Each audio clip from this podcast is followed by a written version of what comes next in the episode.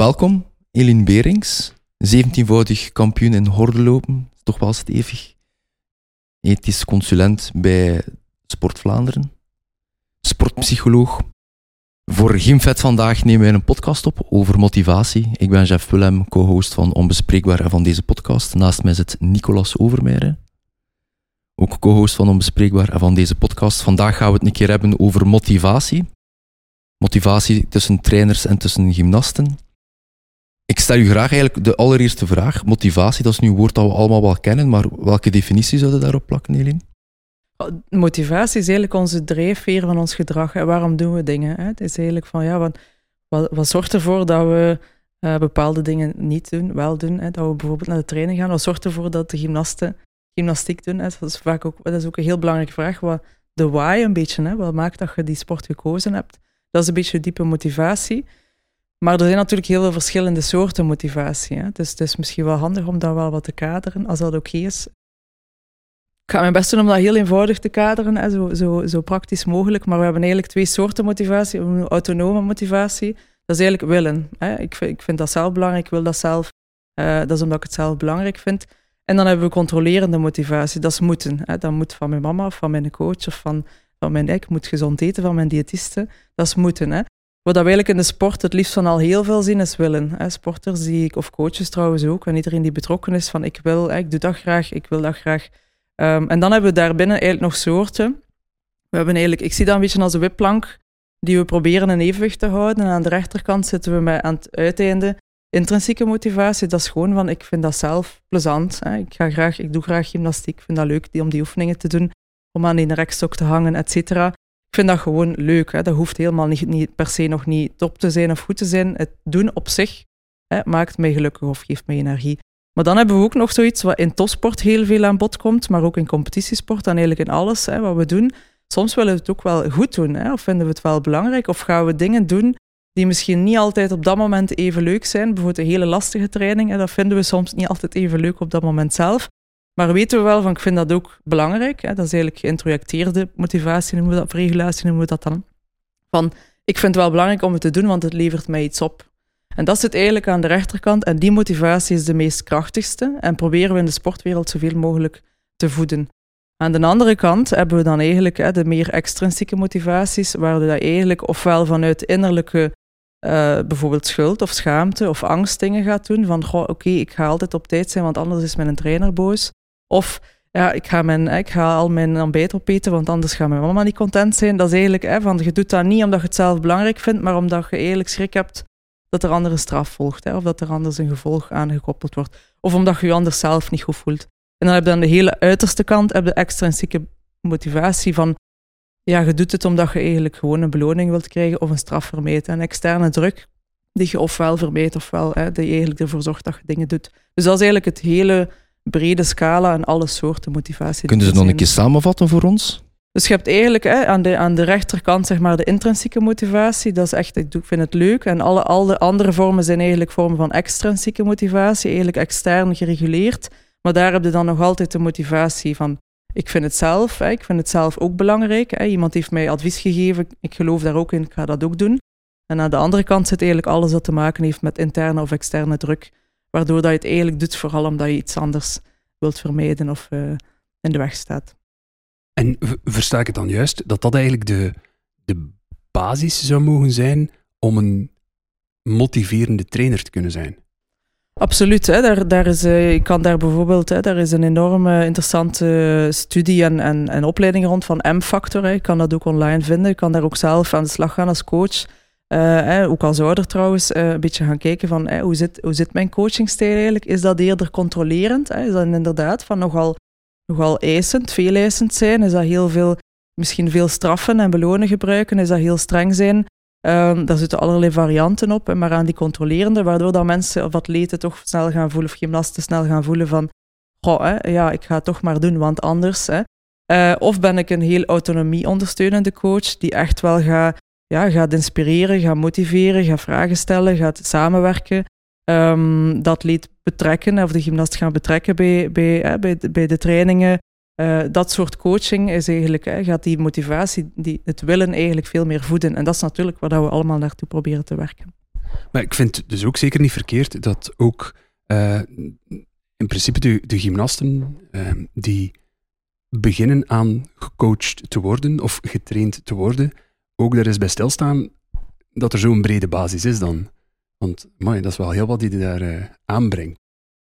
Ja, zeker. En wat we gewoon soms, soms een beetje doen, is de extremen. Hè, van ofwel moet het intrinsiek gemotiveerd zijn, als in dat we dan soms denken, alles moet dan ook leuk zijn. Hè, wat dan natuurlijk heel moeilijk rijmbaar is met sporten. Hè, met competitiesport, maar sport in het algemeen. Iedereen die sport weet dat dat niet altijd leuk is. Dus ja, en daar raken mensen dan soms een beetje van in de war. Van oké, als het dan toch niet altijd leuk moet zijn, um, ja, hoe kunnen we dan toch voor die motivatie zorgen? En dat is eigenlijk die zone van hoe kunnen we mensen overtuigen, gymnasten, coaches, nogmaals iedereen die betrokken is, ook kunnen we iedereen overtuigd geraken van ja, het is misschien niet wat je zelf altijd wou doen, of niet je eerste gedachte, of niet wat je het liefste doet. Hè. Misschien, om, eh, misschien eet je het liefst voor het ontbijt een boterham choco, maar kun je wel overtuigd geraken van, weet wat, ik ga ik, eh, havermout maken en ik ga daar wat fruit bij doen en ik ga daar eh, dit en dat bij doen, want ik vind het zelf belangrijk, maar dat idee komt wel van iemand anders die je dat verteld heeft. En dat is denk ik het meest waardevolle in sport, als we dat leren begrijpen en heel veel leren inzetten. Zowel als sporter als als coach natuurlijk.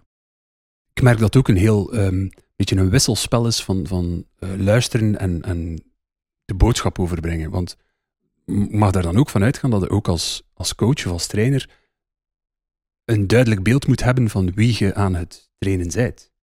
Zeker, hè? daarvoor uh, denk ik dat het belangrijk is om als coach eigenlijk een beetje drie vragen te stellen. Hè? Van wie coach ik? Hè? Dus daar begint het mee. Ja, wie, elke persoon is anders, hè? persoonlijkheden zijn anders, context is anders, leeftijd is anders, niveau is anders, motivatie is anders. Uh, gedrag, hè? er zijn zoveel verschillen tussen mensen. Dus één, de eerste vraag is wie coach ik?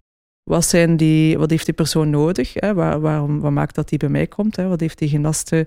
Ja, hoe zit die in elkaar? Hè? En hoe kan ik dat proberen als coach daarin of als trainer daarin mee te gaan en, en die persoon zo sterk mogelijk te maken. Tweede is hoe coach ik. Hè? Dat gaat dan een beetje over die coachingstijl. Van oké, ga ik mezelf ontwikkelen als autonomie ondersteunende coach bijvoorbeeld? Of ga ik toch eerder, goh, hè, ben ik toch overtuigd, waar op zich niks, niet per se iets mis mee is, maar dan zit je wel aan de, aan de iets minder productieve kant van de motivatie. Ga ik toch, ja, hè, geloof ik toch heel sterk in die controlerende coachingstijl. Uh, maar dat is één voorbeeld. Hè. Er zijn heel veel uh, zaken die je bij jezelf kan exploreren. Van hoe pak ik dat aan? Ook hoe geef ik feedback? Hoe communiceer ik? Hoe, maak ik, hoe bouw ik een band op met mijn, met gymnasten? Um, dus dat is die hoe. En dan heb je nog wat. Hè. Dat gaat eigenlijk over de kennis natuurlijk. Hè. We willen, zeker als het over coaching gaat, daar zijn dan ook weer heel veel opleidingen. Hè. Ik denk dat 90% van de coachopleidingen daar ook over gaan. Is de kennis. Hè. Hoe, bouwt je die oefeningen op? Hoe breng je dat over? Hoe zit het met je periodisering, et cetera? En die drie vragen zijn eigenlijk de basis die je als coach kan stellen aan jezelf ook, om daar eigenlijk een, eh, een, een, een, visie op te ontwikkelen. Mai, dat komt even uh, zeer, zeer informatief binnen.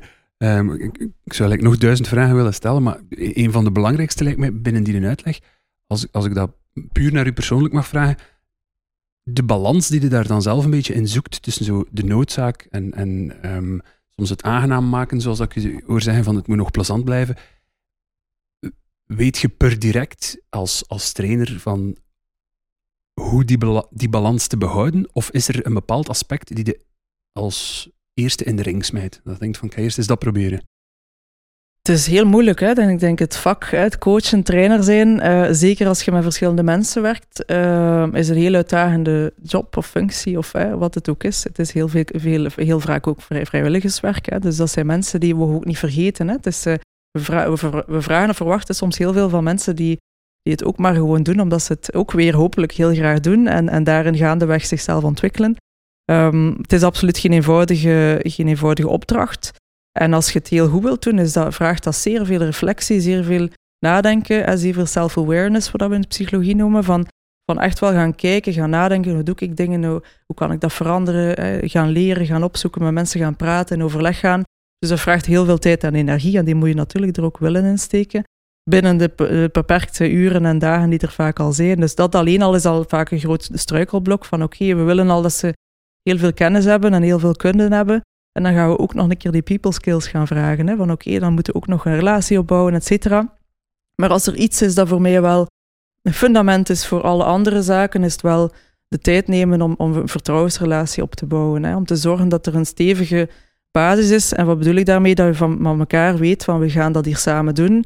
En we hebben het beste met elkaar voor. En als je daarin slaagt om die fundering eigenlijk te leggen, die veiligheid ook te creëren van kijk, we, kunnen, we gaan fouten maken, we gaan allebei fouten maken, we gaan misschien soms een keer rare dingen zeggen of doen, of we gaan soms ook een keer niet gemotiveerd zijn, we gaan het soms een keer niet leuk vinden, maar we gaan het samen doen en we gaan er heel veel over praten en we gaan elkaar leren kennen. Dat is eigenlijk de fundamentele basis voor alle andere zaken in, in trainen en in coachen. Daar geloof ik ook heilig in. Ik ben zelf stevig gecoacht en getraind geweest in mijn stevig sportverleden ik heb daar enorm veel op mijn tanden gehad, soms ook letterlijk, want het was gevechtssport. maar ik moest altijd wel een beetje geloven dat mijn trainer het beste met mij voor had. En daarvoor vertrouwde ik hem ook wel.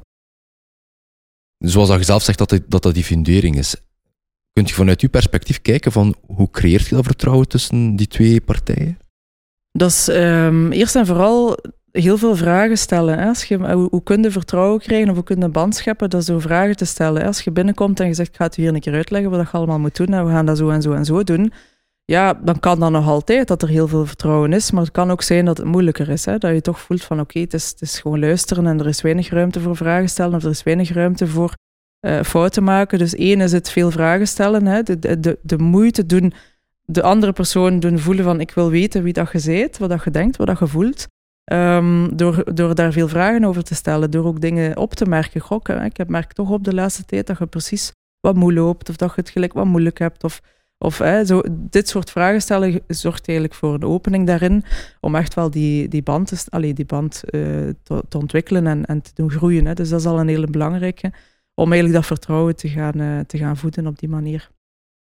Ik, ik hoorde u daarnet ook zeggen in, in uh, de opbouw van zo'n vertrouwensband, dat er wel een zekere openheid moest zijn om, om te mogen zeggen van er gaan moeilijke momenten komen.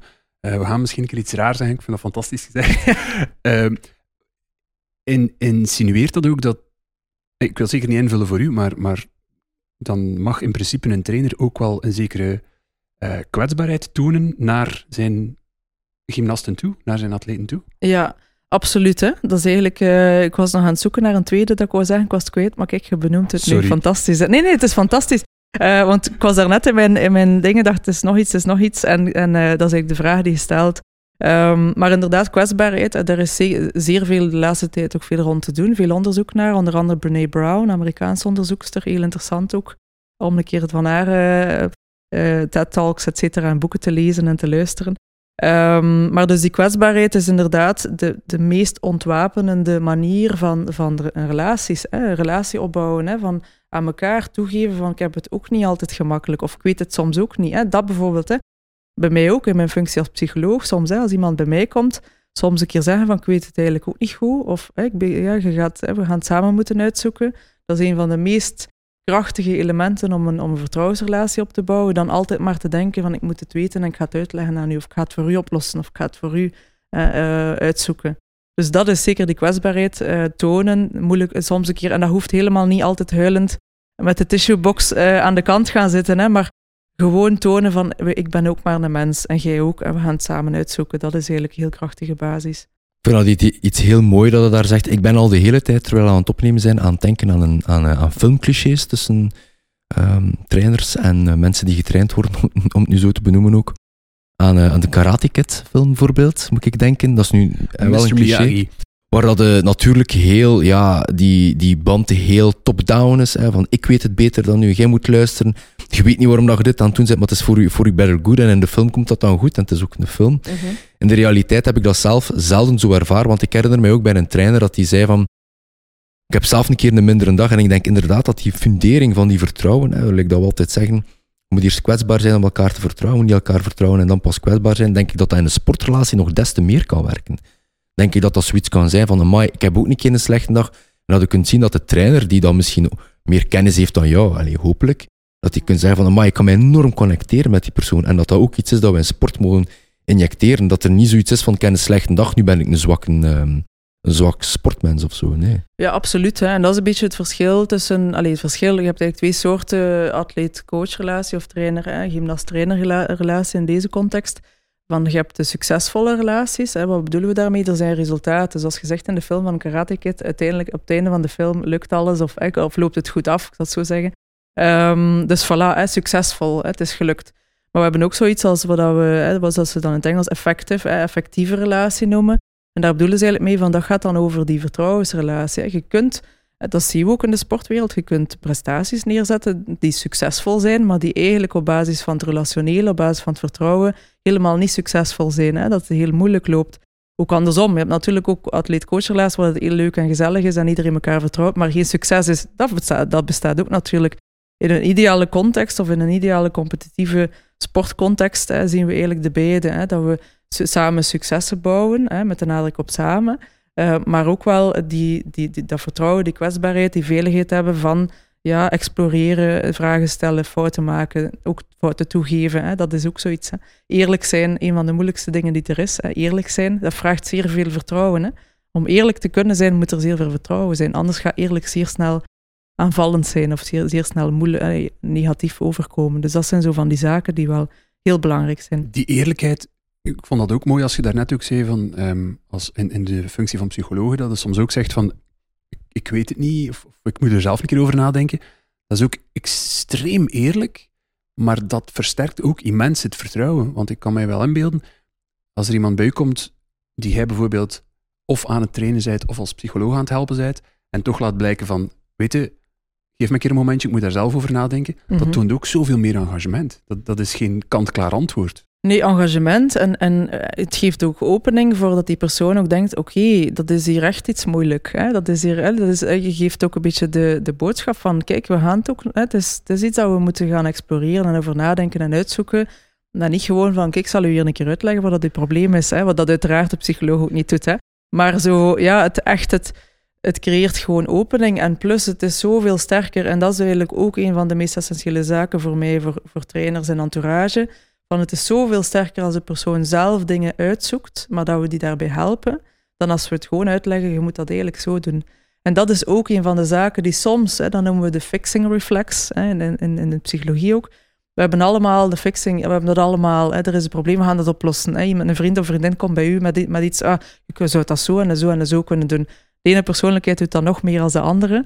Um, terwijl we zoveel ruimte creëren door, ook als, als trainer, door niet onmiddellijk ja, maar nee, als je dat nu nog doet of dat nu nog doet, maar door vragen te stellen, door te zeggen, probeer dat nu nog een keer, wat heb je nu gedaan, hè? wat maakt dat dat nu goed ging, wat maakt dat wat moeilijker was, heb je zelf een idee, dan krijg je een, een, een, een of een sporter die, die zelf nadenkt en die zelf uitzoekt. En dat is één, veel sterker naar leren toe, maar dat is ook veel sterker naar, naar zelfwaarde toe, naar zelfvertrouwen toe. Van, ah ja, ik heb dat zelf.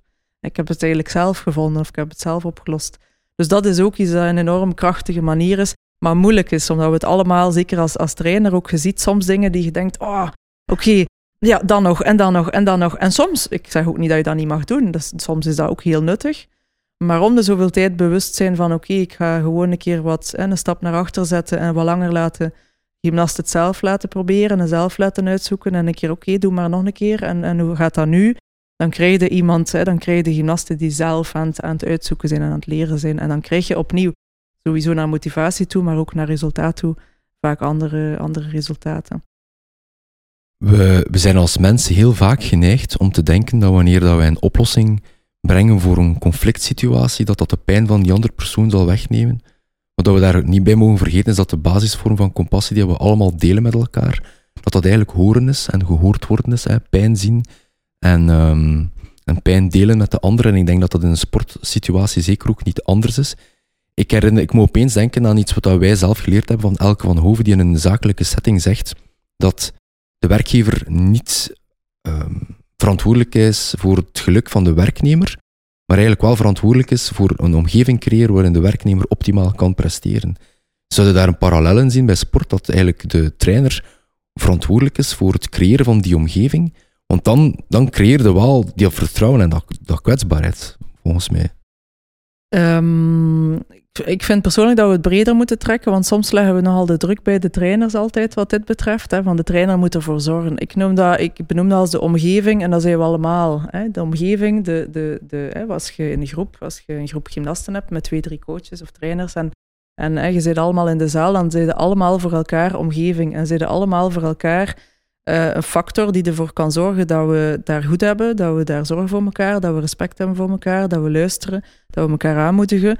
Of we kunnen er allemaal of een aantal mensen voor zorgen dat het moeilijk wordt, hè, dat het lastig wordt, dat, dat er stress is, dat er druk is, dat mensen zich niet goed voelen, et cetera. Dus ik vind um, dat is een beetje, we zien daar ook een, een, evolutie in, in, um, in de psychologie ook. Als, we komen een beetje van eerder coachcentrale visie, van hè, beetje luister, wat, doe wat ik zeg. Ook het onderwijs. Hè. Dan zijn we gegaan naar dat, dat idee van atleet centraal. Wat dat je ook voelt van, ja, dat is soms ook moeilijk, hè, dat, dat mensen daar ook wel over vallen van, oké, maar ja, we moeten wij toch ook wel een keer streng kunnen zijn en uiteindelijk, alleen we kunnen toch niet altijd, en terecht ook. En nu zie je een beetje over evolutie, waar dat over het relationele gaat. Hè. Wij, hè, het samen, de omgeving, de rol van de omgeving, maar vooral de rol van we moeten het samen doen. Niet alleen de coach of alleen de atleet, maar wel wij samen. En dat is een beetje die ook, accountability ook, van, van, van omgeving beseffen van ja, omgeving is niet, is niet alleen de coach, is niet alleen de technisch directeur of niet alleen maar de, de voorzitter van de club, maar zijn wij allemaal. En dan creëerde een, een, een, een samen een verantwoordelijkheid om dat ook allemaal te doen. Maar inderdaad, hè, dat is iets wat heel veel gebeurt, is dat we soms zeer veel bij het individu leggen. Nou, jij moet gemotiveerd zijn, jij moet veerkrachtig zijn, uh, jij moet sterk zijn, zowel bij de, de trainer als bij de gymnasten. Terwijl dat ook bijvoorbeeld als we het over veerkracht en weerbaarheid in het Engels resilience, hè, wij hebben daar twee woorden voor, resilience, uh, blijkt uit onderzoek dat eigenlijk, dat eigenlijk vooral de omgeving is die bepaalt hoeveel veerkracht en weerbaarheid een persoon heeft. Het ligt ook aan persoonlijke factoren, maar eigenlijk vooral aan de omgeving. Als die omgeving ondersteunend is en uitdagend is, dan ga je veel meer, veel meer veerkracht hebben dan in een omgeving die je die je bang maakt, die je stress geeft of die te veel comfort is, hè, die eigenlijk je niet uitdaagt, dan gaan we ook veel, heel weinig veerkracht ontwikkelen. Dus absoluut, hè, die omgeving is, is super, super belangrijk. En daarom dat het zo belangrijk is om daar ook bij stil te staan. Om niet alleen maar bezig te zijn met, met al die personen op zich, maar om heel veel verbondenheid te creëren en heel veel daarmee bezig te zijn. It takes a village to raise een gymnast. Hè? Ja. ja. Ik, waar ik onmiddellijk moet aan denken, ik, ik vind het super mooi dat dat zo breed opentrekt.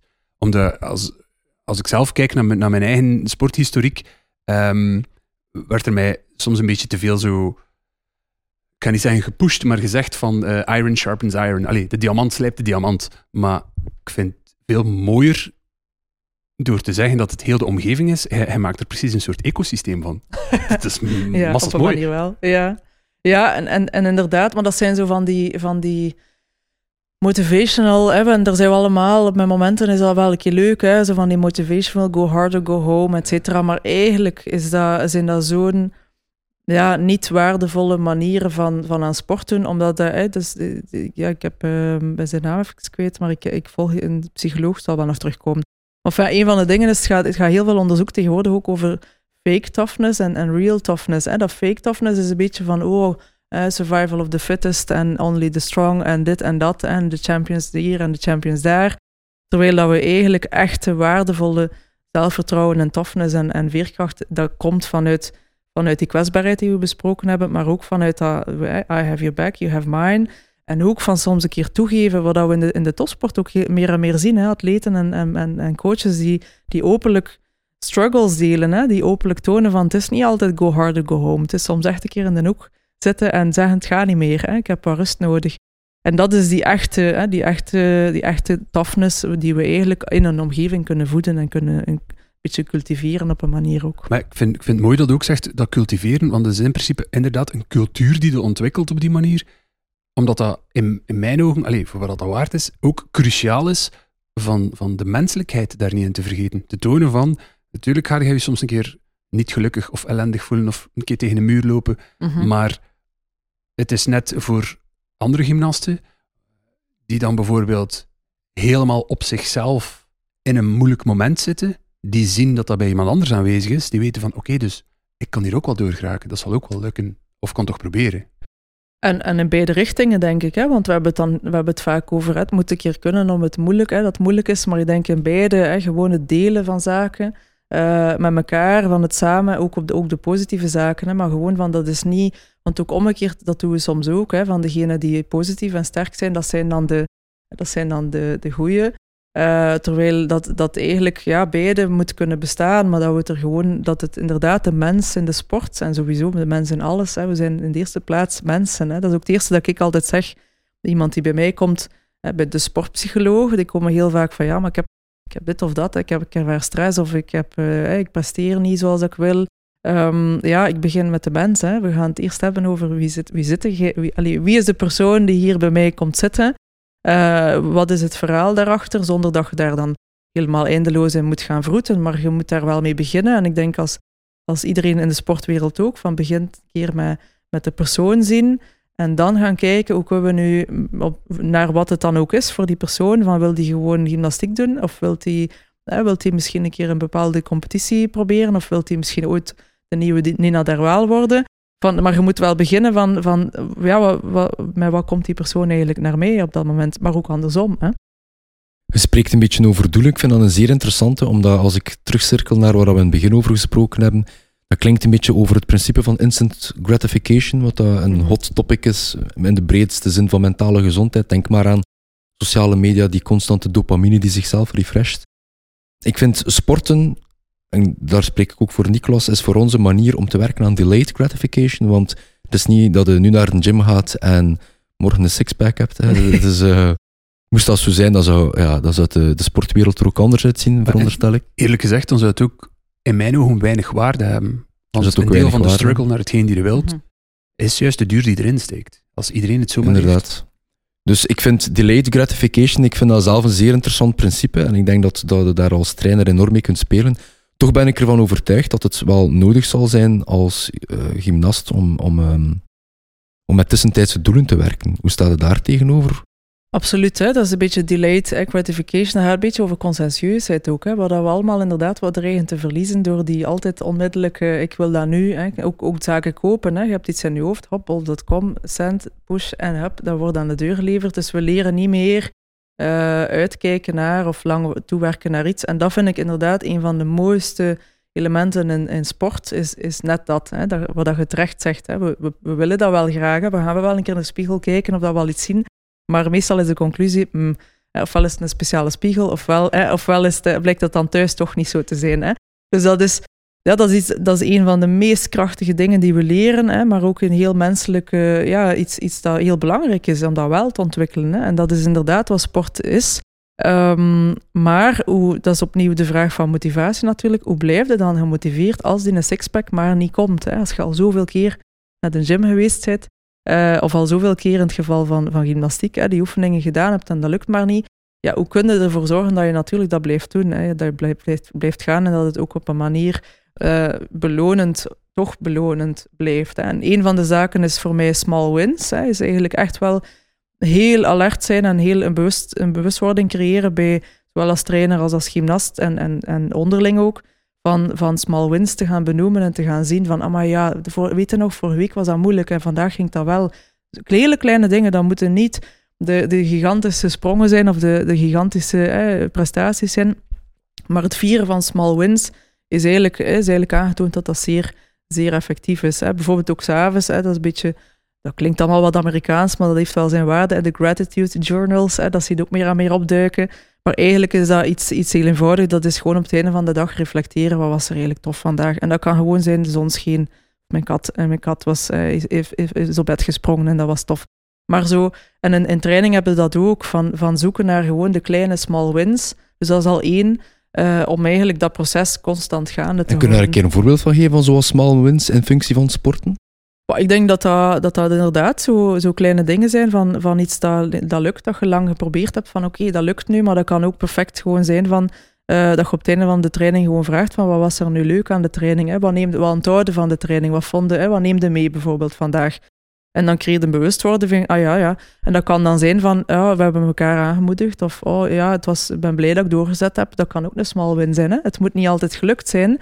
Nou, wel het idee van, of dat zou kunnen zijn van, oké, je hebt, uh, trainer, ja, je hebt mij daar echt geholpen vandaag. Dat, dat, dat zijn ook de small wins. Dat je elkaar gewoon leert benoemen van, wat was er nu eigenlijk goed of wat neemde mee. En zo krijg je eigenlijk een constante mini-beloningsjes in het, in het werk dat je doet, in het proces dat je doet. En niet per se alleen maar streven naar, ja, ik moet dat gewoon, ik moet het volhouden, want ik wil gewoon die oefening uiteindelijk kunnen. Ik vind het idee van zo de, de, de laatste indruk, als, als je zo zegt op het einde van een training bijvoorbeeld aan, aan gymnasten vragen van Mhm. wat vond er goed aan, wat, wat, wat neemde mee? Ik had daar nog niet bij stilgestaan, maar dat is waarschijnlijk ook massas motiverend. Want dat, Zeker. ja. ze nemen dat mee naar huis, al lang als ze niet meer bij de trainer zijn. Nee, en dat, is, dat creëert, dat is eigenlijk het bewustmaken van het, van het proces. Hè. Dat, is, dat is het meest essentiële van, oké, we, we, hebben, we hebben doelgerichtheid. Hè. We zeggen, we willen iets bereiken. Het is, het is op het einde van het seizoen Belgisch kampioenschap of provinciaal kampioenschap of een, of een club. Hè. Wat, wat het ook is, maar je zet een target. Tegen dan wil ik dat kunnen. Hè. Wil ik zoveel punten, wil ik die oefening doen. Ehm, heel belangrijk, want anders krijg je altijd als je op een vliegtuig stapt en je weet niet waar je vliegt, kun je overal aankomen, behalve waar dat je wilt zijn. Dat kan ook leuk zijn, maar in, in sport weten we graag waar dat we naartoe gaan. Uh, dus dat is heel belangrijk om die targets te zetten, om dat ook, ook met de gymnasten te bespreken, dat je dat ook weet dat je aan hetzelfde aan het werken bent, want het zou jammer zijn als dat niet zo is.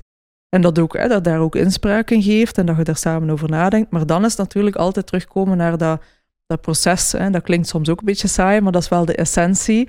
Het procesgerichte. En dan krijg je die small wins. En door eigenlijk na elke training een soort van check-out te doen, van we gaan de training afronden en we geven ruimte voor een kleine reflectie. Dat kan echt zijn, wat ik daarnet zei, van oké, wat neem je mee? Dat kan ook zijn met welk gevoel. Hè? Je kunt daar met, met jonge kinderen bijvoorbeeld, kun je ook vragen van geef daar een kleur aan, of, of hè, het weer, hè? welk weer is het na de training? Is, schijnt de zon of is het aan het regenen of het is een beetje aan het donderen? Kun heel creatief mee zijn, maar kun je wel een keer proberen een, een, een, reflectie te krijgen van hoe was dat nu eigenlijk vandaag? En dan krijg je dat, dat de gymnast zelf eigenlijk veel bewuster bezig is in plaats van gewoon de training te doen en, en daar verder niet zo heel veel mee bezig te zijn. Moet dan ook onmiddellijk denken, als je daar aanhaalt, van als je met bijvoorbeeld heel jonge gymnasten werkt, dus kinderen en zo, dat is, dat is uh, opnieuw iets, allez, er zijn zeer veel blinde vlekken aan het uh, zichtbaar worden voor mij. Ik had daar nog niet bij stilgestaan dat door bijvoorbeeld het aan te halen van hoe is het weer, allee, in, om hun gevoel over te brengen in de zin van, god, het is een beetje aan het donderen mm -hmm. of de zon schijnt, het gaat goed, het gaat niet goed. Dat is een cruciale vorm van communicatie met, tussen trainer en gymnast dan op zo'n moment. Het, het zoeken naar die communicatie, het zoeken naar een gemeenschappelijke taal, als ik het zo mag zeggen, is dat iets die je als, als trainer, als coach ook moet ontdekken gaandeweg met de persoon die dan trainen bent? Absoluut, en ik denk dat dat echt iets is om, om gewoon te durven exploreren. En ook niet altijd te denken van, oh, dat gaat raar zijn, of ik ga dat gewoon exploreren, een keer dingen proberen, manier van vragen stellen, hè, creatief zijn van inderdaad begin van de training, um, even een check-in doen. En uiteraard is dat niet altijd even realistisch om dat met iedereen individueel te doen. Je kunt dat ook een keer in groep doen, maar je creëert ruimte en je geeft eigenlijk de boodschap, ik wil het wel weten. Het gaat niet altijd over het antwoord, soms wel. Het is ook belangrijk om heel goed te luisteren naar het antwoord en daar rekening mee te houden. Maar de vraag stellen is soms al zoveel. Hè. Je krijgt zoveel opening van ik wil weten hoe dat mij is. Hè. Ik wil weten dat, hoe dat, wat dat je energie is vandaag, ook na de training. Waardoor dat je alweer die, die, hè, die commitment, eigenlijk, die verbondenheid creëert tussen atleet, coach, trainer, gymnaste. Um, en door dat heel veel te doen, en dat kun ik zeggen, dat kunnen hele kleine dingen doen, maar als je dat, vindt, als je dat elke keer doet, dan, dan is dat natuurlijk een enorm versterkend proces. Waar, dat je, waar dat je misschien wel op een bepaald moment gaat krijgen dat ze ook zeggen, en bij u, trainer, hè? Is, dat, is bij u zon of donder of regen? En dan krijg je heel leuke, heel leuke wisselwerking natuurlijk. Ja? Zijn, ja? er, zijn er zo absolute no-go's ook dat je doet qua feedback geven? Als het natuurlijk over feedback gaat, dat is, dat is één, dat is hè, wat ik daarnet zei. Ik denk dat we moeten met feedback moeten zo zuinig mogelijk zijn. In die zin van, dat is een zeer krachtig, uh, zeer krachtig iets, maar als we dat gaan overgebruiken, ja, we hebben allemaal een werkgeheugen dat eigenlijk niet zoveel kan, hè, niet, niet zoveel tegelijk kan doen. Dus als je natuurlijk drie, vier, vijf, zes, zeven dingen en dit en dat en we dan nog en hier en hup, dan heb je een gymnast die onmiddellijk uh, overladen zal zijn en die, die, te veel, die te veel info zal krijgen. Maar feedback, ook dat, hè, we hebben het over check-in, check-out, maar ook wel vaste momenten invoeren om om de zoveel tijd een keer samen te zitten en wel echt een keer grondige feedback te doen van oké, waar zijn we mee bezig? Gaat dat goed? Wat vinden zelf? Hè? Wat, wat ziet de trainer? Wat ziet de gymnasten? Um, en dat hoeft allemaal op, op, opnieuw, dat hoeven geen gesprekken van een uur te zijn, maar kleine momentjes uh, vast te pinnen uh, om dat te doen zijn, zijn zeer belangrijk. Wat daar wel voor mij cruciaal aan is, is dat je dat niet alleen doet als het niet goed gaat. Hè? Want dan krijg je soms van, het gaat niet goed, we gaan een keer samen zitten. Wat krijg je dan? Dat de gymnast natuurlijk altijd dat gaat ook uh, ja, associëren met ja, ik ga weer horen wat er niet goed is of wat ik moet verbeteren, wat soms nodig is. Maar als je natuurlijk de gewoonte hebt om dat heel vaak te doen, ook als het heel goed gaat, samen zitten van allee, we gaan een keer opzommen wat er eigenlijk de laatste tijd allemaal heel goed loopt, dan creëerde dat dat gewoonte wordt en dat die negatievere feedback ook veel meer ruimte krijgt. Hè. Als je, en en dat, is, dat is het belangrijke van als je feedback geeft. Er is niks mis met, met negatieve feedback als in uh, veranderingsgerichte feedback. Je zou dat misschien kunnen doen, of je zou dat beter kunnen doen. Of, oh kijk, je bent nu de laatste tijd al drie keer te laat geweest. Ik zou wel graag hebben dat je volgende keer terug op tijd zit. Allemaal prima, maar die balans daarin is wel een belangrijke. Um, en vooral natuurlijk altijd naar, naar zaken die controleerbaar zijn, hè, die mensen kunnen veranderen. Hè. Het heeft geen enkele zin om op persoonlijke zaken hè, commentaar of feedback te geven, omdat die persoon daar niet veel mee kan doen. Hè. Dat is alleen maar heel confronterend of heel pijnlijk om zo'n dingen te horen. Dus echt, als je dingen zegt, moet je altijd denken, wat kan die persoon daar nu mee doen? Hè. Daar dient feedback voor. Hè. Dat is niet gewoon uw mening geven, maar dat is echt, je moet daar wel iets mee kunnen. Anders riskeert je een vertrouwensbreuk natuurlijk op dat moment. Als, als, ik, eh, als ik dan denk over, over die feedbackmomenten, is dat ergens een beetje ook een gedeelde verantwoordelijkheid tussen de gymnast en de trainer? Dat is natuurlijk een beetje leeftijds, hè, leeftijdsgericht ook. Hè. We kunnen moeilijk vragen van, van hele jonge kinderen dat ze dat zelf hè, gaan doen. Je moet dat een beetje naar, vergelijken met onderwijs. Maar hoe ouder ze worden, hè, maar je kan dat wel gaan stimuleren en gaan invoeren. Maar ik denk op jonge leeftijd ik denk dat niet. Hè. Het is beter op jonge leeftijd um, dat het eigenlijk wel heel erg vanuit de trainer is, die dat installeert, die daar de gewoonte van maakt, die zelf feedback geeft en dat, dat zelf het voorbeeld eigenlijk geeft en, en zo de gymnast ook ontwikkelt. Maar hoe ouder ze worden, natuurlijk, hoe meer dat je kan zeggen van oké, we gaan dat nu eerst samen heel veel doen en dan op een bepaald moment wel zeggen van kijk, ik verwacht nu wel dat je soms zelf ook proactief dingen komt vragen of voorstellen doet of, of, of, of met ideeën komt of een keer iets, iets, uh, iets deelt. Um, maar dat is natuurlijk zeer belangrijk om daar wel ontwikkelingsgericht te denken. Hè. Als je dat vraagt van een, van een heel jong kind, dan is dat, is dat veel te vroeg. Um, dus daarin moet je wel een beetje rekening houden met ontwikkeling, maar ook met het persoon, met het individu. Hè. De ene en dat kan ook alleen maar ontstaan een keer dat die een vertrouwensband daar is. Ja, voilà. Want als er geen vertrouwen is, zeker opnieuw, maar zeker met jongere kinderen, maar zelfs, zelfs met volwassenen is dat zo, als er geen vertrouwen is en zeker geen veiligheid is, van ik mag hier iets vragen of zeggen en ik ga daar niet belachelijk gemaakt worden of uitgelachen worden of ik ga daar niet voor bestraft worden. Ja, als je daar niet zeker van bent, dan doet het dat niet. Want ja, dat is interpersoonlijk risico. Ik moet, als ik hier iets wil zeggen, moet ik wel weten dat er ruimte voor is, dat er veiligheid is. Dus dat is natuurlijk voor iedereen op gelijk welke leeftijd altijd de basis. Maar het is, uh, het is veel aan het binnenkomen. Ik denk dat ik hier nog eventjes uh, en opnieuw ga moeten naar luisteren, naar kijken en uh, een paar vragen stellen. Ik zou misschien, om zo wat bijna af te ronden, nog een keer een, een belangrijke vraag willen stellen. Denk ik dan, binnen het idee van, van naar psychologen gaan en zo, wordt er soms de vraag gesteld, ja, maar hoe vind ik een goede psycholoog? Mhm. Nu, ik wil dat niet onmiddellijk trekken naar de richting, hoe vind ik een goede trainer of coach? Wel had ik graag van u eens gehoord wat dat denkt dat de belangrijkste tips zijn die je kunt meegeven om een gemotiveerde trainer of coach te kunnen zijn, zodanig dat ook degene die eh, bijvoorbeeld als gymnast op zoek gaan naar een bepaalde trainer, dat ook een beetje zien als, als dat op iets mm ik denk, ik zal het misschien, misschien koppelen aan het beetje thema van vandaag, de motivatie. En dan denk ik als, als, als trainer, atleet, uh, gymnaste, Um, we hebben eigenlijk allemaal drie basis, psychologische basisbehoeften om ons goed te voelen. En om, om psychologisch welzijn te ontwikkelen. En zo ook optimaal te presteren. En dat is eigenlijk autonomie. Hè, vanuit de autonomie ondersteunend coach. Autonomie, verbondenheid en competentie. Ik denk als je als trainer die drie probeert in je achterhoofd te houden. Oké, autonomie, wat wil dat zeggen? Dat gaat eigenlijk over keuze voorzien. Hè. Soms een keer uh, opties geven. Dat hoeft niet altijd. Dat wil niet zeggen wat wil je doen vandaag. Hè, want dat, dat is uiteindelijk de training is de training. Maar dat gaat wel over. Oké, wat denkt u? Als we nu dat eerst doen en dan dat tweede of omgekeerd, wat vinden jullie? Dat is al een kleine, een kleine manier van autonomie. En vooral ook van ruimte geven voor jezelf zijn. Hè? Dat je echt benoemt ook van, kijk, hè, iedereen is hier welkom, iedereen is hier gelijk. Hoe dat je, hoe dat je ook zijt, hoe dat je gedraagt. Dus dat is autonomie die verbondenheid is echt inzetten op dat vertrouwen. Hè. Die vertrouwensband, die check-ins gaan doen, check-outs gaan doen.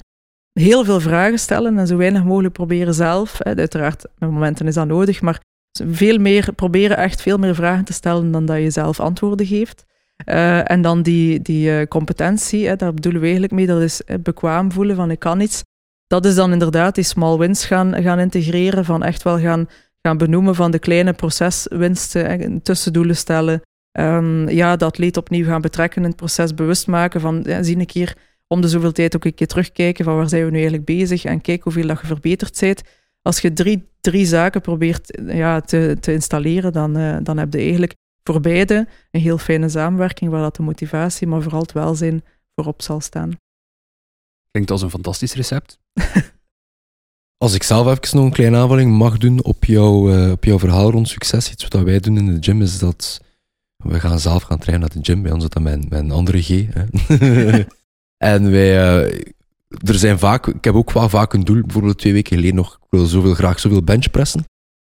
Je komt daartoe in die gym en dat lukt niet. Omdat je daar soms, de, de ene dag is een ander niet slecht sla. Allee, ik moet zeker dat nu niet uitleggen. Ik denk dat niet elke horde even gemakkelijk zal uh, geweest zijn, licht gezegd. En de manier waarop, dat, waarop dat je daarmee kunt omgaan, of waarop dat ik daarmee omga, ik zal dat nog voor andere mensen invullen, is dat reframen van dat succes. Het is niet van, amai, vandaag is gefaald, want ik heb dat gewicht hier de lucht niet gekregen, maar I showed up. Je zei, je zei, you showed up to yourself, je bent daar geweest, je hebt dat gewicht proberen in de lucht te doen. En je reframet in een kleine win, dat klein succes, als van, maar ik heb het tenminste wel geprobeerd. Ik ben hier tenminste wel geweest en ik heb ervan genoten.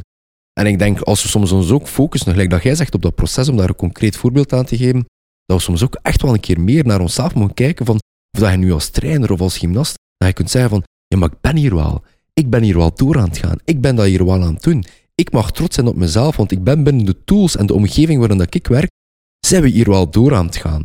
Dus daar doe je niet altijd blind op, ja, dat, dat, die, die, die een sixpack, op die, op die 60 meter horden, op, die, op, op dat je ook aan het doen bent, maar ook op het feit dat het wel eigenlijk aan het doen bent. Ja, dat is een hele mooie. Hè? En dat is een beetje, daar gebruik ik eh, heel vaak een, eh, een concept voor. Um, beetje het principe van raise the floor. Hè? Wat we eigenlijk willen is die benchpress van geweld. Hè? Dat, zal, dat zal wel een heel, een heel hoog, cijfer zijn. Ik weet niet hoeveel dat was dat je wou benchpressen. Uh, maar wat we heel veel doen in de sport is, is we willen iets bereiken en we gaan daar dan ja, altijd mee bezig zijn. Van, hè, dat wil ik en kan ik dat of kan ik dat niet. Eén, we vergelijken dan heel vaak met ons beste zelf, hè, ons, ons PR's. Wat dat op een bepaald moment enorm verkrampend kan zijn, want dat is, we kunnen niet elke dag onze PR's doen. Dus, dus waar, wat ik daarvoor gebruik is die raise the floor. Wat wil dat zeggen? Is eigenlijk proberen, hè, je zet wel de target. Hè, zoals gezegd, je moet het wel zetten. Je moet wel een, een getal of een, of een prestatie in je hoofd hebben. Anders ja, ga je nooit hè, die gedrevenheid hebben. Ga je nooit een keer kwaad zijn dat niet lukt. Ga je nooit, hè, ook daar moet ruimte voor zijn. Hè, een keer gefrustreerd zijn. Maar wat we als trainer en ook als, als sporter, als gymnaste zelf allemaal moeten leren, is eigenlijk om, dat, om raise the floor te doen van eigenlijk je basisniveau, je dagdagelijkse niveau op heel veel vlak. En dat kan ook buiten de training zijn, dat kan ook voeding zijn, kan slaap zijn, kan manier, kan keuzes zijn. En ga ik in het weekend dit doen of niet dat doen? Waardoor dat je eigenlijk op heel veel niveaus aan het verbeteren bent, waardoor dat eigenlijk het verschil tussen wat je elke dag kunt en wat je eigenlijk wilt doen veel kleiner wordt. Waardoor dat je op een bepaald moment wel komt dat je elke dag goed of niet goed voelen, of eten of niet eten, of move een lange dag op werk of niet. Of in, in de gymnastiek hè, ook van hè, het is een moeilijke week of een zware week, of hè, dat het eigenlijk niet meer uitmaakt, maar dat je eigenlijk bijna altijd die prestatie kunt neerzetten. En dat heeft heel veel voordelen, waardoor dat je dan op competitie komt met het gevoel van ja, ik heb dat nu al tien keer gedaan, ik zal dat vandaag ook wel kunnen. Dus dat zorgt voor stressvermindering. Maar het proces wordt veel gemakkelijker omdat je niet altijd alleen maar bezig bent met vergelijken met eindresultaat of waar dat je wilt zijn, maar wel van oké, dat is beter, dat is beter, dat is beter. Oké, ik ga nu daar nog een beetje doen, ik ga nu daarop letten. Oké, het is een mindere dag en een keer uitzoomen, perspectief nemen van het gaat de laatste tijd eigenlijk wel heel goed, dus dat is oké in een mindere dag. En dat is die reframing dan, hè, van niet alleen maar blind staren op, op één element, maar op echt het, het volledige idee. En op die manier creëerde eigenlijk een, een veel, veel meer, hè, veel opener manier om aan, aan sport te doen en om aan, aan training te doen. En dat horen ze niet altijd graag, hè, want dat in de sportwereld horen we heel graag de lat hoger leggen. Um, die lat moet je ergens leggen, hè, want zonder lat is, is dat raar om, om te springen, want er ligt niks dat over moet. Maar eigenlijk is dat iets je moet ze ergens leggen, maar door altijd, dat is bij hoogspringers letterlijk zo, hè, door heel veel bezig te zijn met hoe hoog die lat ligt, wordt het hoogspringen zeer moeilijk. Maar een hoogspringer die bezig is met raise the floor, van oké, ik ga mijn aanloop aanpassen, ik ga mijn sprong, ik ga mijn technische uitvoering doen, ik ga mezelf opheppen, et cetera, die kan, uh, die kan heel hoog springen. En dat is eigenlijk een beetje de vergelijking daarvan. Ik begrijp wat je wilt zeggen. Het is een idee van Aristoteles, als ik mij niet vergis, en die de mens uh, heeft dat toch goed gedaan, en dat idee gaat nog altijd mee als we zijn wat we herhaaldelijk doen, dan is perfectie waarschijnlijk eerder een synoniem van consistentie eerder dan één moment in je leven. Dus ik snap dat die lat dat ene moment is, Maar die perfectie en die consistentie is toch ook heel belangrijk om naar te kijken als sporter, denk ik. Ja, zeker. En dat is een beetje de, de, de hero training versus de, de consi consistent training. Hè, inderdaad, van waar, en dat is wat ook wat eigenlijk een beetje valt bij die, bij die raise the floor principe. Hè, is, is inderdaad van het is veel beter om over hele lange tijd gewoon kwalitatief zeer goed werk te leveren met de, met de ups en downs die er altijd bij zullen zijn, dan zo van die pieken en dalen te hebben van de hero training, hè, van een, een, een ongelooflijk op heel korte tijd extreme dingen te gaan doen op alle vlakken, ook, op eh, de buitensport. Hè. Eh, voeding bijvoorbeeld is daar een voorbeeld van. Hè. De, de extreme diëten bijvoorbeeld, dat zijn de hero trainings. Ja, dat houdt de een niet vol en dat zorgt zelden tot een langdurig resultaat. Hè. En, en vaak met een kost ook. Dus, dus dit is inderdaad essentieel, want het is dat constante bijsturen, bijschaven, hè, een, een, een, een tempo vinden dat je heel lang volhoudt, dat, dat zorgt voor topprestaties op en, en, en ook voor welzijn natuurlijk. Ik, ik vind het idee van Raise the Floor sowieso belachelijk motiverend. Um, ik heb eigenlijk gewoon instant goesting om te gaan sporten nu. Uh, maar het, het doet mij gewoon ook beseffen dat dat het grote verschil is tussen bijvoorbeeld binnen de functie van een gymnast te denken in ik ben een gymnast en niet van ik moet straks een gymnast gaan zijn. Die Raise the Floor is zeer toepasbaar. En ook in de momenten dat niet zo goed lukt. Dus ik vind dat letterlijk een gouden tip. Ja, dat vooral omdat er altijd iets is dat je kunt verbeteren. Hè. Zelfs als je hebt een heel zware blessure opgelopen, dan kun je nog raise the floor doen. En dat is een beetje het idee van, ook in zo'n revalidatie bijvoorbeeld, hè, gymnasten die geblesseerd zijn. Um, als je dan alleen maar bezig bent met ik moet en ik zal binnen zoveel, binnen drie maanden of vier maanden terug die punten totaal of dat of dit of dat. Ja, nogmaals, hè, daar, daar vertrekt het wel van. Hè. Je moet het, ik zeg altijd, je moet je vlag wel ergens zetten en weten dat je daar naartoe wilt. Maar, maar dan is het teruggaan naar oké, binnen wat ik vandaag kan en morgen kan en overmorgen kan, ga ik gewoon dat en dat en ik ga daarop zetten. En ik ga misschien de tijd nemen om dingen te doen die ik anders te weinig doe. Um, we gaan creatief zijn. Ook met de trainer kunnen allerlei zaken bedenken. Om nog altijd het gevoel te hebben van, zelfs al ben ik misschien niet aan het doen wat ik liefst van al zou doen en, en wat de anderen aan het doen zijn, maar ik ben wel beter aan het worden. En dat geeft veel meer vrijheid in, in het sporten op dat moment. Oké, okay, super. Ik, uh, gelijk dat ze zelf zei, van, we, wij hebben heel veel feedback gekregen. Ik denk dat wij daar zelf ook nog een keer goed moeten over nadenken. Ik denk dat de luisteraar enorm veel value heeft gekregen van u. Waarvoor dank. Wij zijn u toch al super dankbaar. Is er nog één anekdote waar je graag mee afsluit? Een tip, een anekdote, iets? Iets grappig zijn? Iets grappig. Ja, Wat grappig zijn is niet no pressure. no pressure. Be funny. Ja, nee, maar voor mij eigenlijk, ja, ik, ik, werk, ik heb zelf twintig jaar topsport gedaan en, en als, er, als ik dan nu nadenk, wat was voor mij daar het belangrijkste, het belangrijkste in, is dat altijd uh, de weg daarnaartoe de moeite waard was. En wat bedoel ik daarmee? En dat merk ik heel erg als ik met andere collega's, ex-topsporters spreek en zo. Hoe zeker hoe langer, hoe meer tijd dat er zit tussen die gouden medailles en, en het gepensioneerd zijn in de topsportwereld. Uh, maar ook in de sportwereld is gewoon wat onthouden uiteindelijk. Dat zijn de momenten, dat zijn de belevenissen, dat zijn de, de grappige momenten, hè, de, de leuke dingen.